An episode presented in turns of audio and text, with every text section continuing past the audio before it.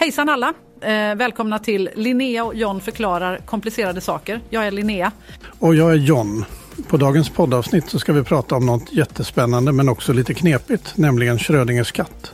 Oj, jag älskar ju katter. Men det låter lite konstigt, en katt som har ett så långt och krångligt namn. Kan du berätta mer John? Absolut Linnea, Schrödingers katt är faktiskt inte en riktig katt. Det är egentligen ett slags tänklek som en smart person som hette Erwin Schrödinger klurade ut. Han var fysiker. Så vi pratar om en tänkt katt. Hur spännande! Men vad handlar den där leken om då? Det handlar om något som heter kvantfysik. Vilket är vetenskap som handlar om hur de pyttesmå tingen i rymden beter sig. Det låter ju svårt men vi ska försöka förklara det enkelt. Ja, vi kör på det. Så hur går det till, det här med experimentet? Okej, okay, det här är lite svårt. Schrödinger sa att vi ska tänka oss en katt i en låst låda. I lådan finns också en grej som är radioaktiv som kanske kan spricka och skada katten. Och en mätare kopplad till en burk med farlig gas. Åh nej, stackars katten. Men vänta, radioaktiv, vad betyder det?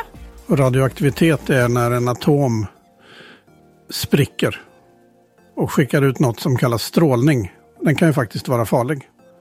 Men tillbaka till katten nu. Eh, det viktiga att minnas är att vi inte kan veta om den där radioaktiva grejen har spruckit eller inte om vi inte öppnar lådan. Så katten kan antingen vara död eller levande och vi har ingen aning förrän vi kollar. Är det så? Precis så. Men nu kommer det så det konstiga. Enligt kvantfysiken är katten faktiskt någon både död och levande samtidigt tills vi tittar in i lådan. Vadå? Hur kan det gå ihop? Det är hela grejen med kvantfysik. Det är helt galet. Man kan tänka på det som dubbelt. Tänk att du har två skolådor, en med en röd sko och en med en blå. Innan du öppnar kan du tänka att det finns både rött och blått i lådan samtidigt. Okej, okay, jag tror jag börjar fatta nu. Så Schrödingers katt är alltså ett eh, sätt att förklara den här tokiga tanken om dubbeltläge? Exakt Linnea, men det viktigaste är att när vi kollar försvinner det där med dubbeltläget. Så, att, att, så när vi öppnar lådan med Schrödingers katt finns det antingen en levande eller en död katt, men inte båda två. Så genom att kolla blir antingen det ena eller det andra verkligt. Det är ju hur coolt som helst. Ja, det, det är verkligen häftigt. Men kom ihåg, det här är en jätteenkel förklaring. Kvantfysiken är mycket svårare än så. Ja, man får ju komma ihåg att vi bara är 12 år.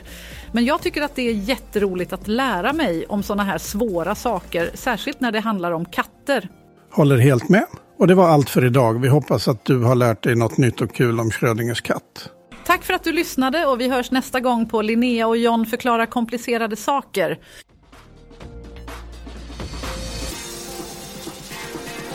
You have listened to an AI generated podcast by Pod Industry.